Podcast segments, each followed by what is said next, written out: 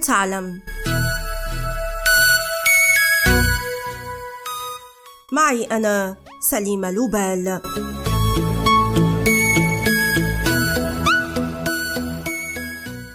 لا تتسق النجومية مع بعض الأسماء الحقيقية. هكذا تقول الوقائع في العالم العربي أو في الدول الغربية. فتحية كاريوكا مثلا كان اسمها الحقيقي بدوية تحية محمد علي النداني كريم وأم كلثوم كانت فاطمة إبراهيم. وفي هوليود أصبح نيكولاس كيم كوبولا نيكولاس كيج وجينيفر أنستاساكيس جينيفر أنستون. هذه الأسماء تبدو جميلة ومناسبة للنجومية. لكن ماذا عن ليدي غاغا؟ لما اختارت هذا الاسم وفضلته عن اسمها الحقيقي ستيفاني جوان أنجلينا جرمانوتا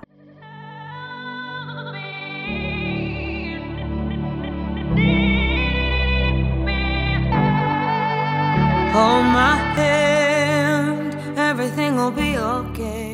تتفق روايتان على الأسباب التي دفعت صاحبة أغنية أليخاندرو إلى اختيار ليدي غاغا كاسم شهرة لها.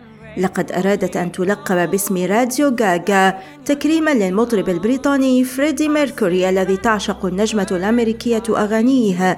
ففي عام 1984 أصدرت فرقة كوين التي أسسها ميركوري أغنية بعنوان راديو غاغا وحين استمعت إليها ستيفاني جوان أنجلينا جيرمانوتا الاسم الحقيقي لليدي غاغا قررت أن تستلهم من عنوانها اسم شهرة لها.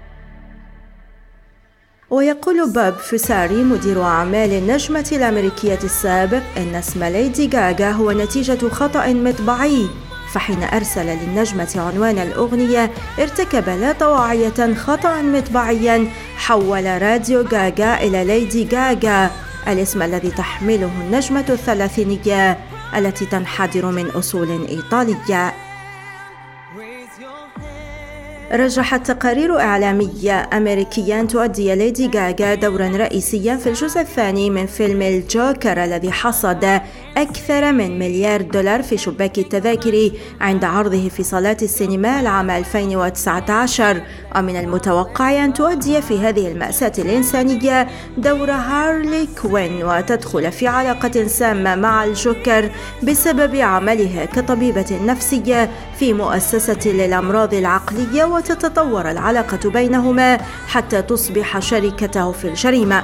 من مطربة النجمة إلى مجرمة تغني في فيلم ليس كبقية الأفلام. هذه هي ليدي غاغا التي دأبت على التغيير. I heard from the heavens that clouds have been gray. Pull me close, wrap me in your aching arms. والآن إلى اللقاء. مع حلقة جديدة من بودكاست هل تعلم؟